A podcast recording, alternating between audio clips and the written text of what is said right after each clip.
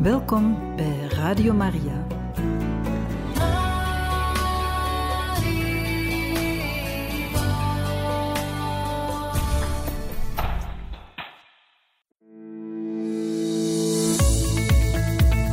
Exodus en Magnificat 90. Een opgang naar Pasen in 90 dagen bij Radio Maria.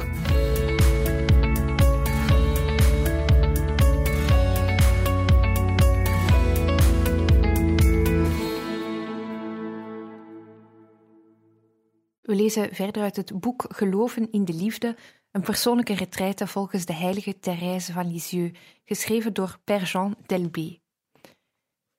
Het derde hoofdstuk heeft als titel Rotsvast vertrouwen. Paulus schreef aan Timotheus: Ik zeg dank aan Hem die mij sterkt, Christus onze Heer, dat Hij mij vertrouwen heeft geschonken door mij in Zijn dienst te nemen hoewel ik eertijds een godlasteraar was, een vervolger en geweldenaar. Maar mij is barmhartigheid bewezen, omdat ik, nog ongelovig, handelde in onwetendheid. En ik werd in rijke overvloed de genade van onze Heer deelachtig, en daarmee het geloof en de liefde die in Christus Jezus zijn.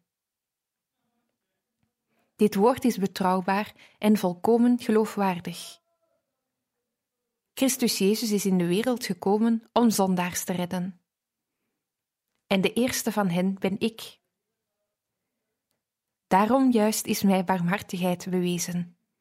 Jezus Christus wilde aan mij als eerste heel zijn langmoedigheid demonstreren, als een model voor allen die in de toekomst op Hem zouden vertrouwen en eeuwig leven winnen. Aan de Koning der Eeuwen, aan de onvergankelijke, onzichtbare, enige God, zij eer en roem in de eeuwen der eeuwen. Amen. Tot zover Paulus. Wonderbare, heilige Paulus, vat van uitverkiezing. Hoezeer kende hij de barmhartigheid en de liefde van de welbeminde. Hij werd overladen om ons tot voorbeeld te zijn op de weg van het onbegrensde vertrouwen in de goddelijke barmhartigheid. Je ziet dat we een goede leraar hebben.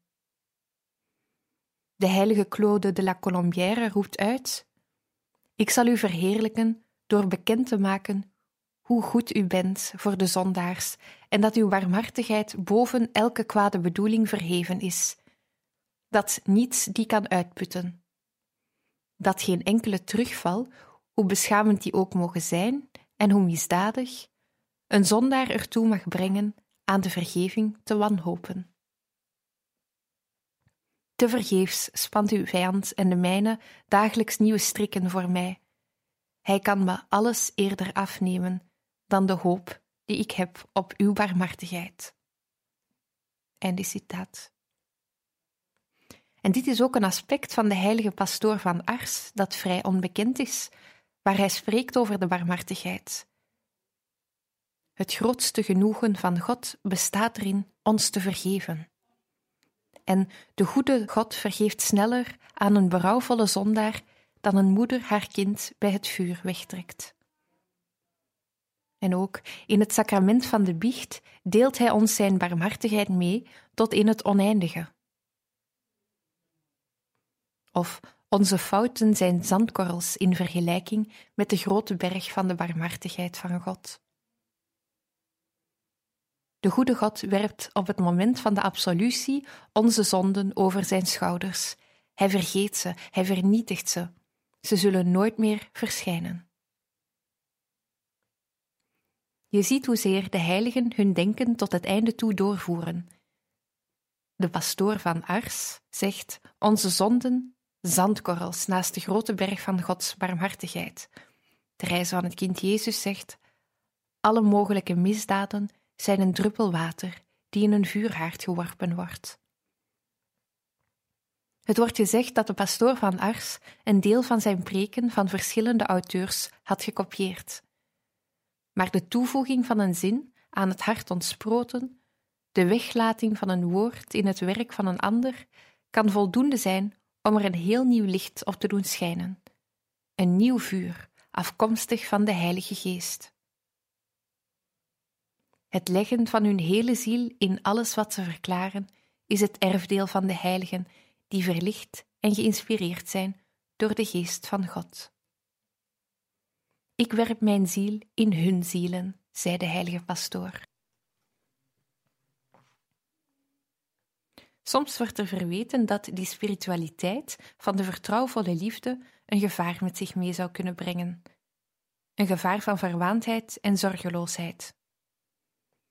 Wanneer ik zal spreken over de overgave en de gehoorzaamheid, zul je zien hoe de overgave en de gehoorzaamheid dat gevaar omzeilen.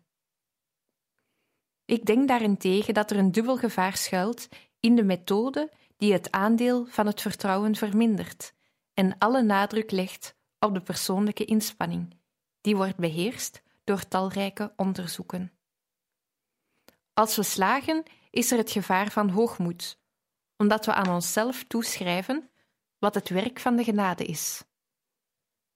Aan de andere kant, als we onze eigen voortgang niet zien, dan vervallen we negen van de tien keer in de afschuwelijke, onvruchtbare ontmoediging.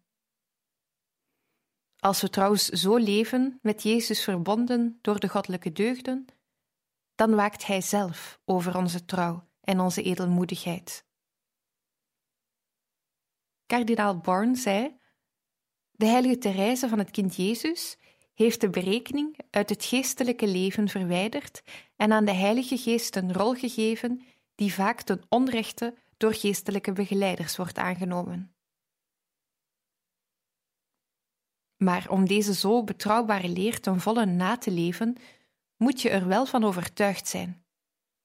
Het is niet eenvoudig de helling weer op te klauteren waarvan het Jansenisme, waar we allemaal min of meer door zijn aangetast, ons heeft doen afglijden. Er is iets vreemds. Zelfs de mooiste zielen, die branden van verlangen om in het hart van Jezus te zijn, willen niet geloven dat het vertrouwen de sleutel is die de deur daarvan voor hen opent, omdat die deur een wond van liefde is. Ze zoeken andere wegen, alsof deze weg te mooi is om ervan op aan te kunnen. Hoe vaak heeft iemand me niet gezegd: Dat is te mooi om waar te zijn? En dan antwoord ik: Jezus heeft voor een erg hoge prijs, namelijk de prijs van al zijn bloed, het recht gekocht om ons op aarde iets te brengen dat te mooi om waar te zijn is. Wat dan? Roept Hij me dan zoals ik ben? Kan ik tot Hem gaan met al mijn ellende, mijn zwakheden? Zal Hij herstellen wat ik verkeerd gedaan heb? Zal Hij alles wat ik tekort kom aanvullen? Ja, als je maar naar Hem toegaat, als je maar op Hem rekent als je maar alles van Hem verwacht. Als je met Paulus zegt: Omnia possum. Ik kan alles in Hem die mijn enige sterkte en mijn enige kracht is. Een mooi gebed om door de dag heen uit ons hart te laten opwellen is dit. Jezus, herstel wat ik verkeerd gedaan heb, vul aan wat ik niet gedaan heb. Of een nog mooiere manier om te bidden: Jezus, ik weet dat u in mij herstel brengt, dat u in mijn plaats aanvult. Ik weet dat u het goede haalt uit het kwade dat ik doe, en zelfs, zoals Augustinus zegt, een groter goed dan wanneer er geen kwaad geweest was. Is dat niet prachtig?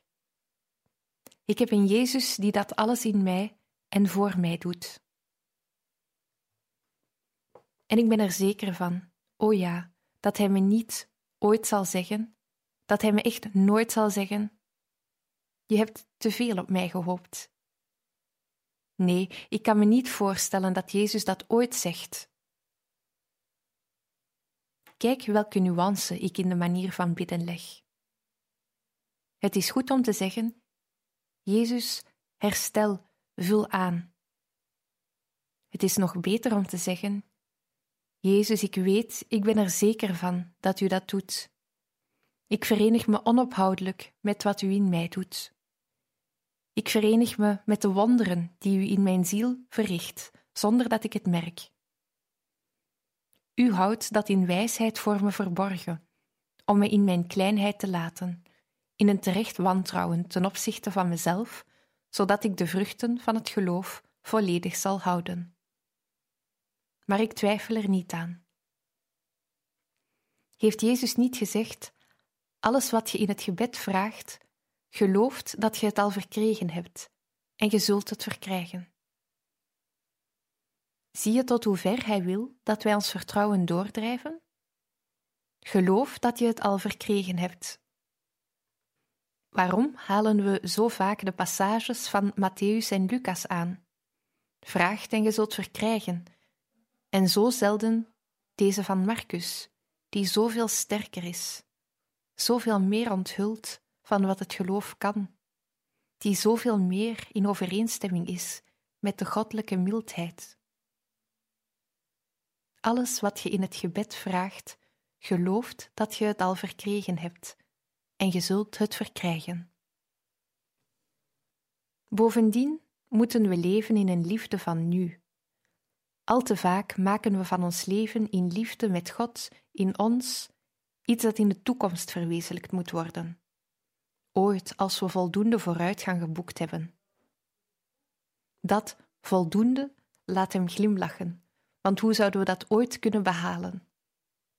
Nee, nu, op dit moment zelf, zeg ik tot Jezus dat ik weet dat Hij mij lief heeft en dat ik van Hem houd. Zijn armen, zijn hart staat altijd open en ik kan er op dit eigen moment mijn toevlucht zoeken. Want mijn ellende is immers de springplank om me erin te werpen, geen belemmering. Wat zou een echtgenoot denken als hij aan zijn vrouw vraagt: Hou je van me? Als antwoord krijgt: Ik wil graag van je houden. Ik ga eraan werken. Ik hoop dat het me lukt door grote inspanningen en edelmoedige offers. Je glimlacht en je hebt gelijk. Maar is dat niet de geestelijke houding die veel zielen hebben tegenover Jezus? Geef liever het prachtige antwoord van Petrus: Heer, Gij weet alles, gij weet dat ik u lief heb. In tegenstelling tot de schijn, ondanks mijn kilheid en mijn onwaardigheid, weet u best dat ik u lief heb. U weet het beter dan ik, en ik ga niet tot morgen wachten om het u te zeggen, omdat de liefde niet wacht. Wees daarvan overtuigd en laat je nooit ontmoedigen. Als we zien hoe zwak we zijn, hoe onmachtig en steeds weer in dezelfde fouten vervallen, dan komen we in de verleiding om te zeggen: Het kan toch niet dat Jezus dat niet beu wordt? We hebben allemaal die bekoring gekend op een of andere dag. Ik heb zoveel beloofd, ik heb zoveel besluiten genomen en ben steeds weer teruggevallen. Het kan niet dat Hij dat niet beu wordt. Het is een soort godslastering om dat te zeggen. Omdat het grenzen stelt aan een barmhartigheid die geen grenzen kent.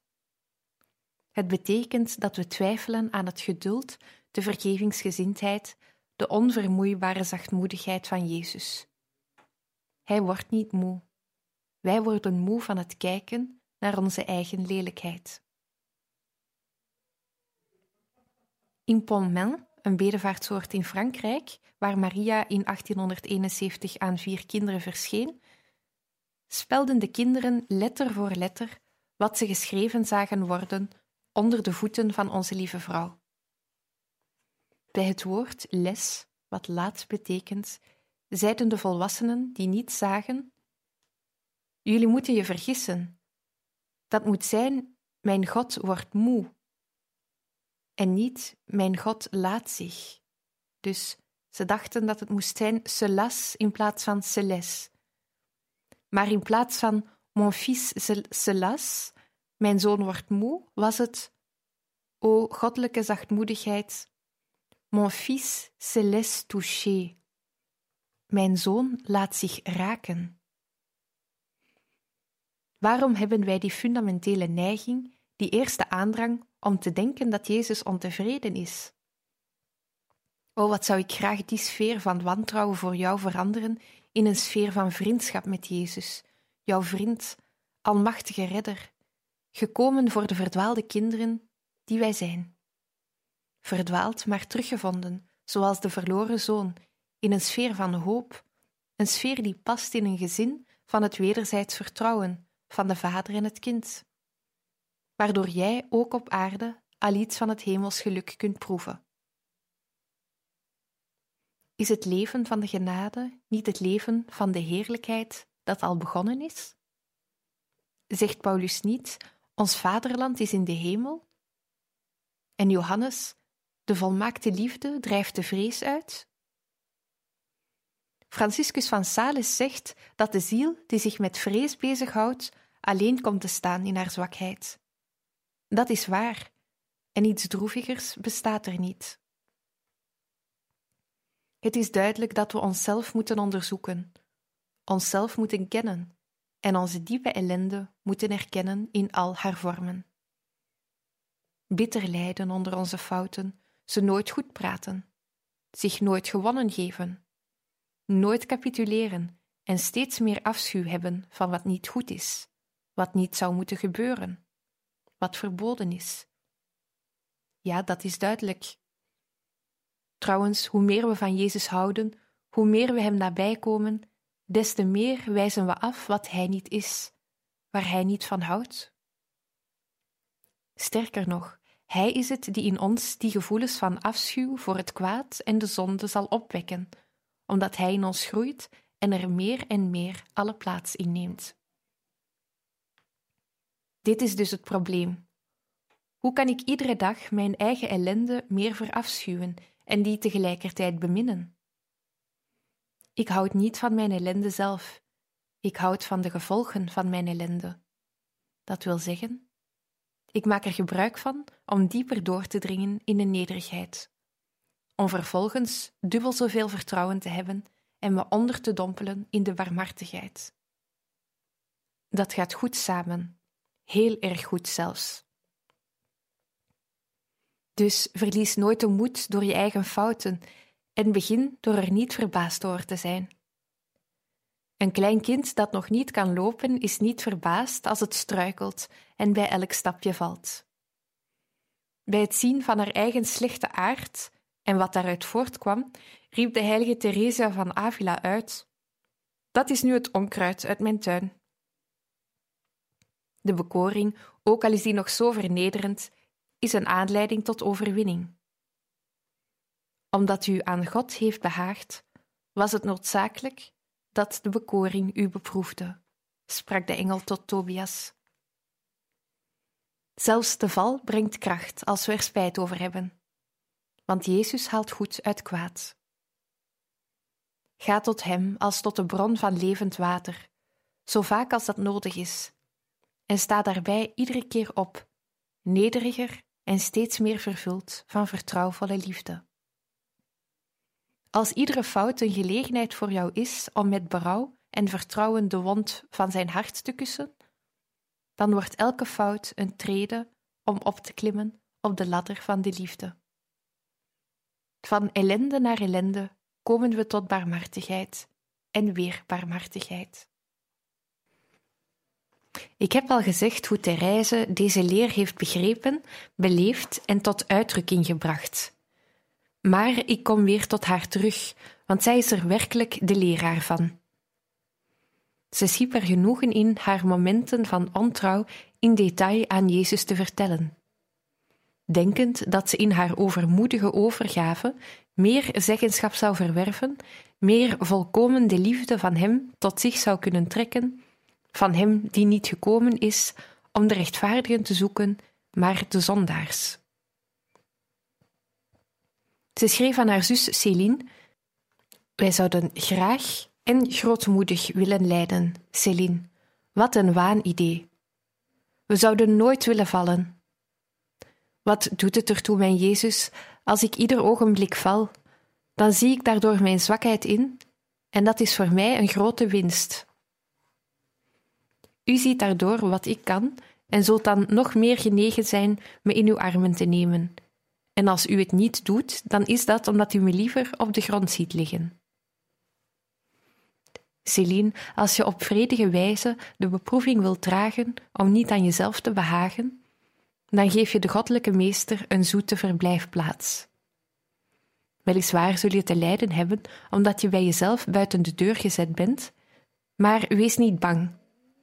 Hoe armer je bent, des te meer houdt Jezus van je. Toen ze zich eens ongeduldig had getoond ten opzichte van een van haar zusters, schreef ze aan moeder Agnes: Ik ben heel wat gelukkiger dat ik onvolmaakt geweest ben dan als ik, met de steun van de genade, een voorbeeld van zachtmoedigheid was. Het doet me zo goed dat Jezus altijd zo zachtmoedig, zo teder is met mij. Waarom bromt hij toch nooit op me? Ze had heel snel beseft dat we, hoe meer we vorderen op de weg van de volmaaktheid, denken dat we des te verder verwijderd zijn van het eindpunt. Ze legde zich er dus bij neer dat ze zag dat ze altijd onvolmaakt was en vond daar altijd haar vreugde in. Ze riep uit: Wat ben ik blij dat ik zie dat ik onvolmaakt ben en dat ik de barmhartigheid van de goede God zo hard nodig zal hebben op het moment van de dood. Ik zou in plaats van me te verheugen in mijn dorheid, die moeten toeschrijven aan mijn gebrek aan vurigheid en trouw. Ik zou er verdriet van moeten hebben dat ik slaap tijdens mijn gebeden en mijn dankzeggingen. Welnu, daar heb ik geen verdriet van. Ik denk dat kleine kinderen hun ouders meer vreugde bieden als ze slapen dan wanneer ze wakker zijn.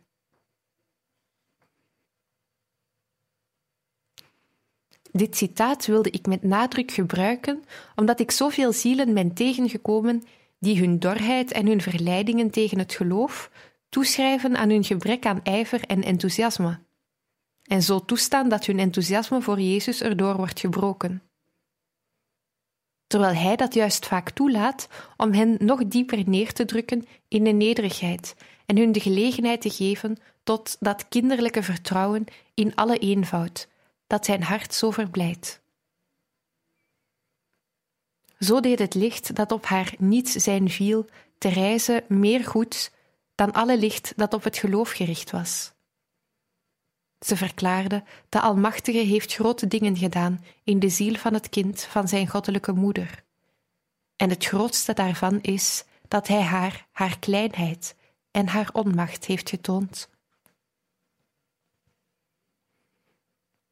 Je zal je misschien afvragen waarom ik datgene wat ik preek zoveel baseer op de leer van de heilige Therese van het kind Jezus. Dat is omdat ik ervan overtuigd ben dat zij een grote zending heeft in de kerk, tot aan het einde van de tijden, en omdat ik uit eigen ervaring weet hoe onmetelijk veel goed zij de zielen doet door haar spiritualiteit. Te meer omdat zij door onze laatste pauzen met een buitengewone kracht is opgehemeld en daar bevinden we ons op betrouwbaar terrein. Pius X zegt: zij is de grootste heilige van de moderne tijd. Benedictus XV zegt: daar ligt het geheim van de heiligheid voor alle gelovigen verspreid over heel de wereld. Ze was niet opgevoed met zware studies, maar toch had ze uit zichzelf een zodanige kennis dat ze aan anderen de ware weg tot het heil kon wijzen. We wensen dat het geheim van de heiligheid van de heilige Therese van het kind Jezus voor niemand van onze gelovigen verborgen mag blijven. Paus Pius XI zei: We verlangen vurig dat allen die in Christus geloven naar haar opzien en haar navolgen. Zij verwierven zodanige kennis van de bovennatuurlijke zaken dat ze voor anderen een zekere weg tot het heil heeft kunnen uitstippelen. Iedereen moet die kleine weg gaan, een weg van een gouden eenvoud, die van het kinderlijke alleen de naam heeft. Het zou de wereld veranderen als men terug zou keren tot de evangelische eenvoud. Zij was het levende woord van God. Pius XII zei: De Heer heeft haar in zijn huis binnengeleid, heeft haar geheimen toevertrouwd, heeft haar al die zaken geopenbaard die hij verborgen houdt voor wijzen en machtigen. En zie, nu nadat zij in stilte en verborgen geleefd heeft, nu richt zij zich tot de gehele mensheid, tot de rijken en tot de armen, tot de groten en tot de nederigen. Zij heeft het evangelie, het hart van het evangelie, opnieuw gevonden. We mogen de heilige Therese op haar woord vertrouwen wanneer zij de meest ellendige en ook de meest volmaakte uitnodigt om zich tegenover God op niets te beroemen dan op de volkomen zwakheid en de geestelijke armoede van een zondig schepsel.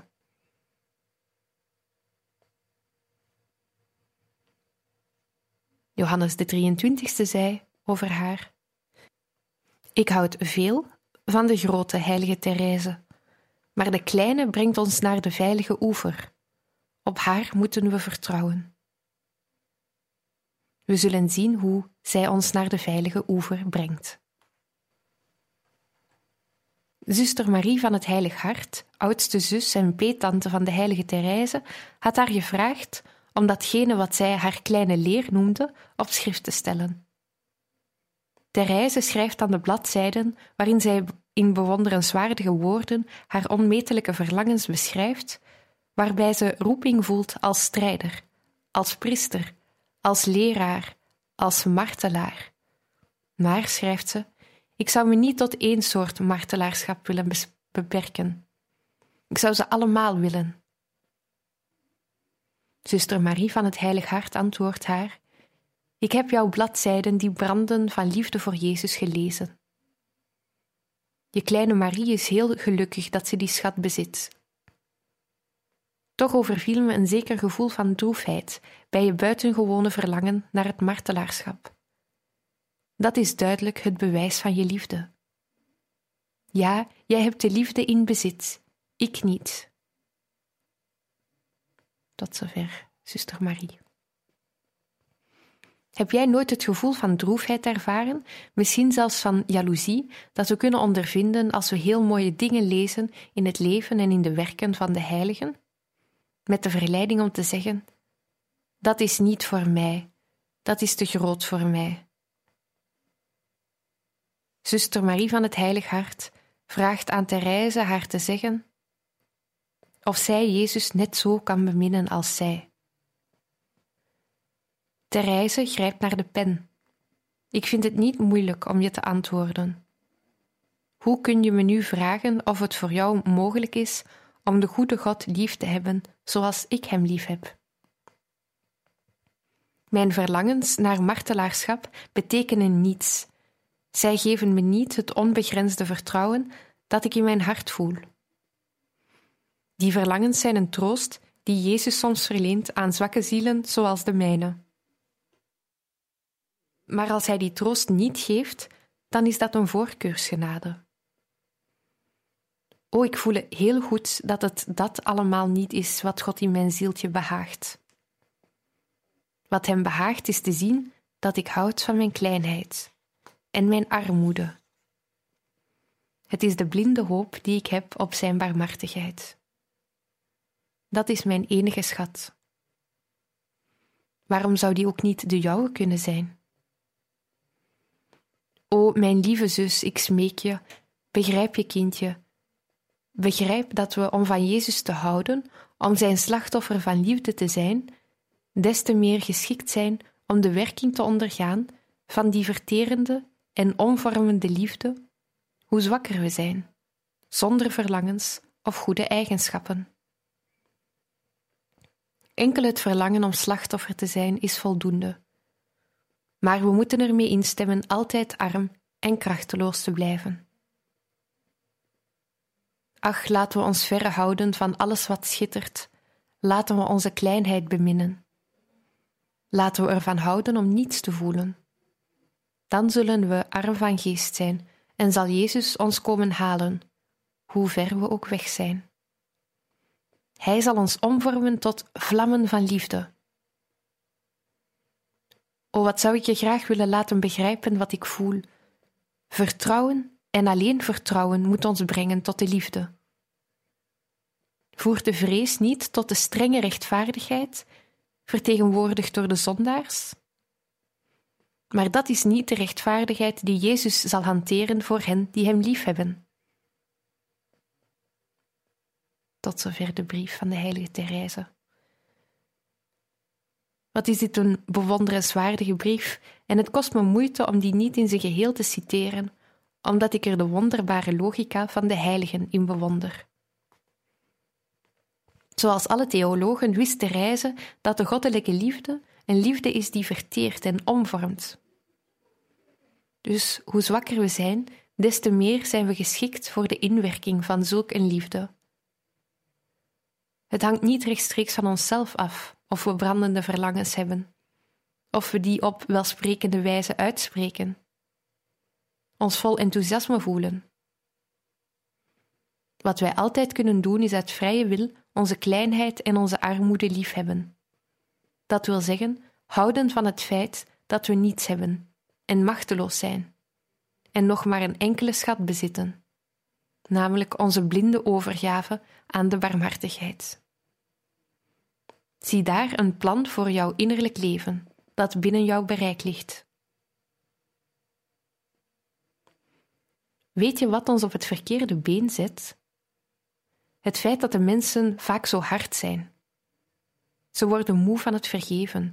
Ze kunnen de wonden die hun zijn toegebracht niet vergeten. De wereld is onbarmhartig in haar oordeel. Het zou erop lijken dat de slechten minder streng zouden zijn dan de anderen, alleen door naar zichzelf te kijken. Maar het tegendeel is waar, want de barmhartigheid is een vrucht van de genade. Hoor hoe de fariseërs achter hun witgepleisterde façades de arme tollenaars oordelen.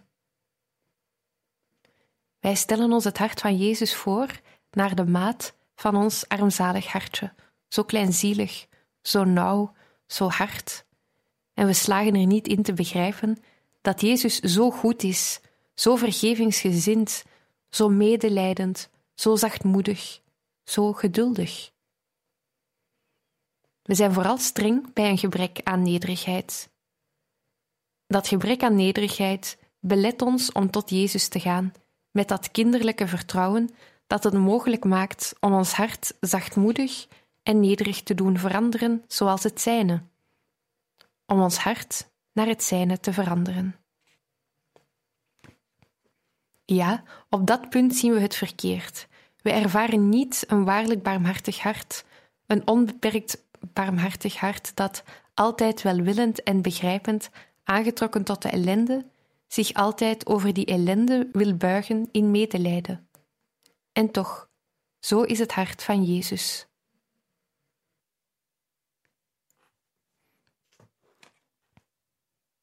De schrift is vol van teksten die een bevestiging zijn van deze leer van het vertrouwen te midden van de ellende.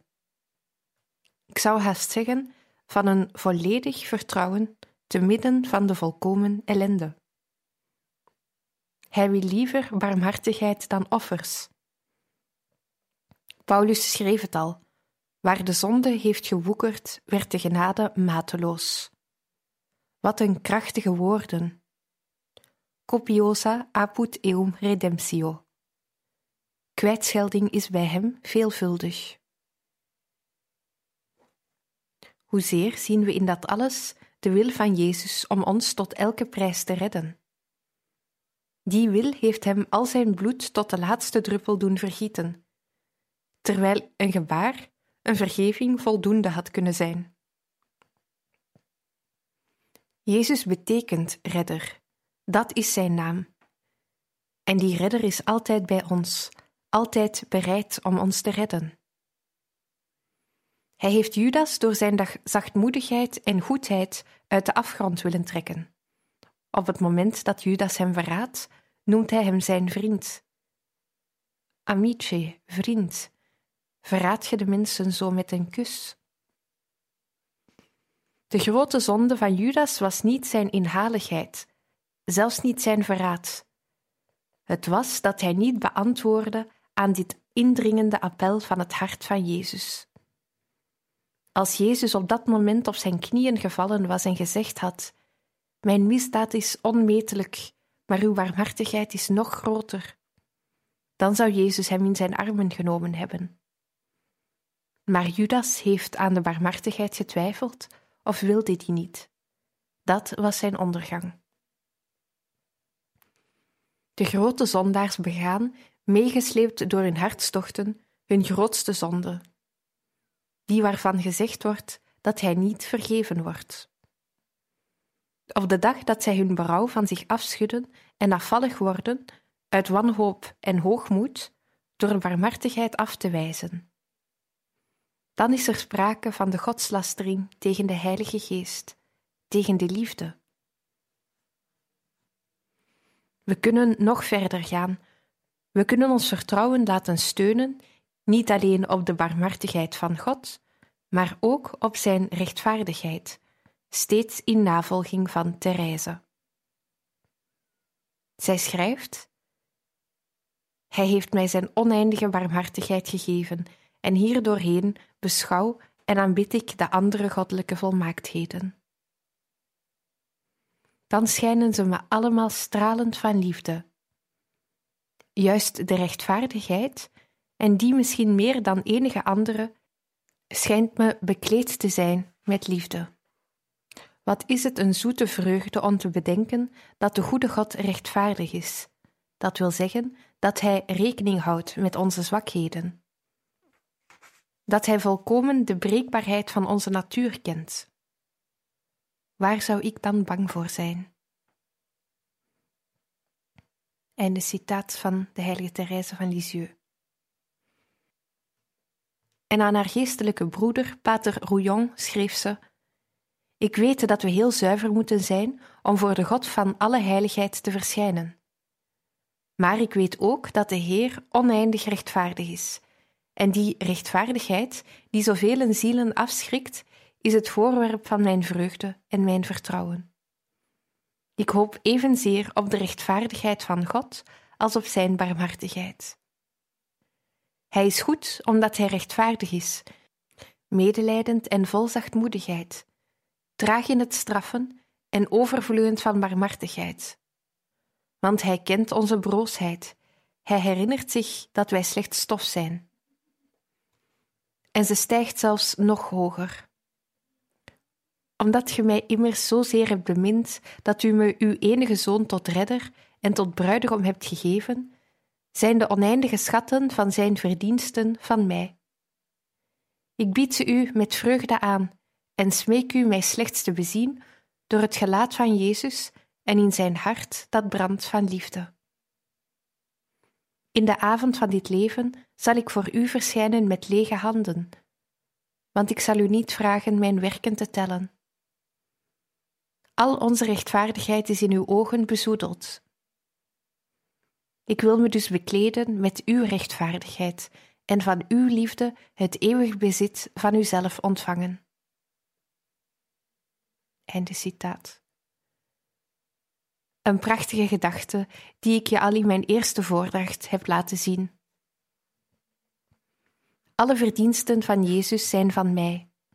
Hij bedekt me met zijn bloed. Hij vult mijn lege handen met zijn eigen eigenschappen en vormt me om in Hemzelf. Zo zal ik verschijnen voor de Vader en in alle rechtvaardigheid neemt de Vader mij op als zijn beminde, welbeminde zoon. In die zin zei Therese: Het lijkt mij dat er voor de slachtoffers van de liefde geen oordeel zal zijn, maar dat veeleer de goede God zich zal haasten om hen te belonen met eeuwige verrukkingen van zijn eigen liefde die hij in hun harten ziet branden. Zij wist dat het vuur van de liefde meer heiliging brengt dan dat van het vage vuur. De kleinen, die zich aan de liefde hebben overgeleverd en hier op aarde in de armen van Jezus aan zijn hart leven, zij zullen zich op het moment van de dood bevinden in zijn armen, aan zijn hart.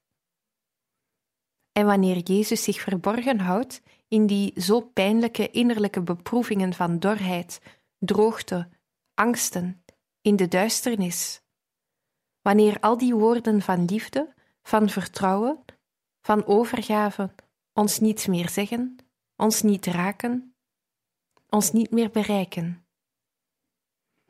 Welke ziel is niet door die nachten gegaan? Dan moeten we ons vertrouwen opvoeren tot de uiterste grens.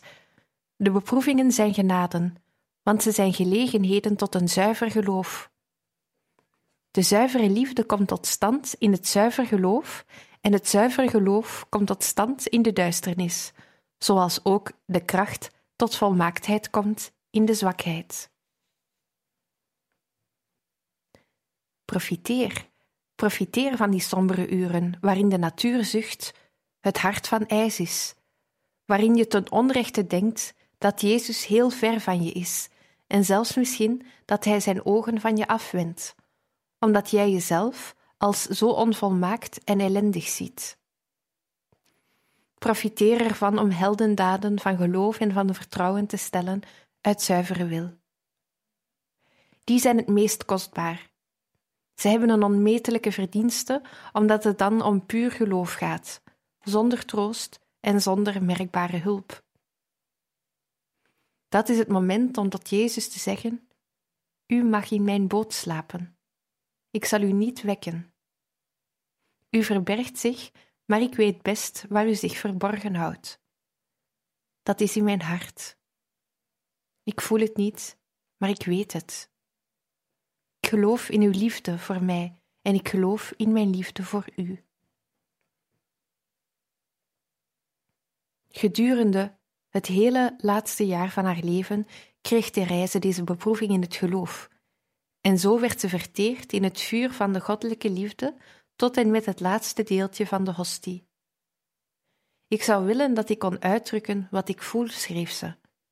Maar, helaas, ik denk dat dat onmogelijk is. Je moet door die donkere tunnel gereisd hebben om de duisternis ervan te begrijpen.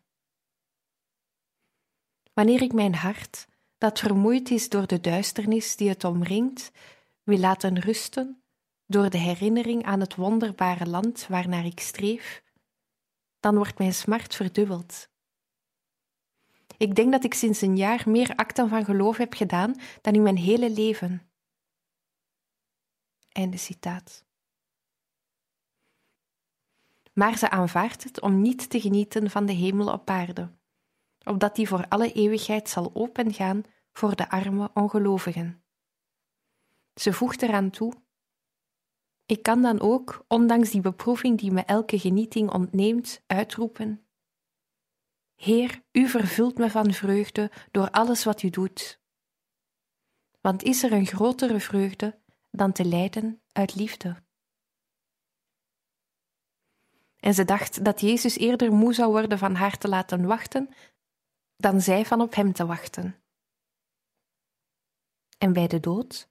Men zegt dat bij de dood de hel losbreekt. Jezus kan dat toelaten. Maar is hij dan niet heel dicht bij ons, veel dichterbij dan Satan? En is Maria daar dan ook niet, om die ziel die de inzet is van de verlossing met een moederlijke bezorgdheid te ondersteunen? En de heilige Jozef die de zoetheid heeft gekend te sterven in de armen van Jezus en Maria. Hun harten buigen zich op dat beslissende uur over de stervenden met een ongeëvenaarde verlossende kracht. Er gaat geen enkele ziel naar de hel die zich niet zelf aan mijn armen heeft ontrukt, zei onze Heer Jezus tot een heilige ziel. En als, volgens de pastoor van Ars, de zondaar niet tot God terugkeert om hem om vergeving te vragen, maar veeleer God zelf, die achter de zondaar aangaat en hem tot zich doet terugkeren, dan gebeurt dat zeker in het uur van de dood. Deze voordracht is denk ik de belangrijkste van de hele retraite. Het vertrouwen is het hart van de leer van de heilige Therese van het kind Jezus, omdat immers het vertrouwen en alleen het vertrouwen ons brengt tot de liefde. En omdat de liefde alles is. Grif het in letters van goud en vuur in je ziel en in je hart. Onmetelijk vertrouwen, onveranderlijk vertrouwen in die koning van liefde die Jezus redder heet.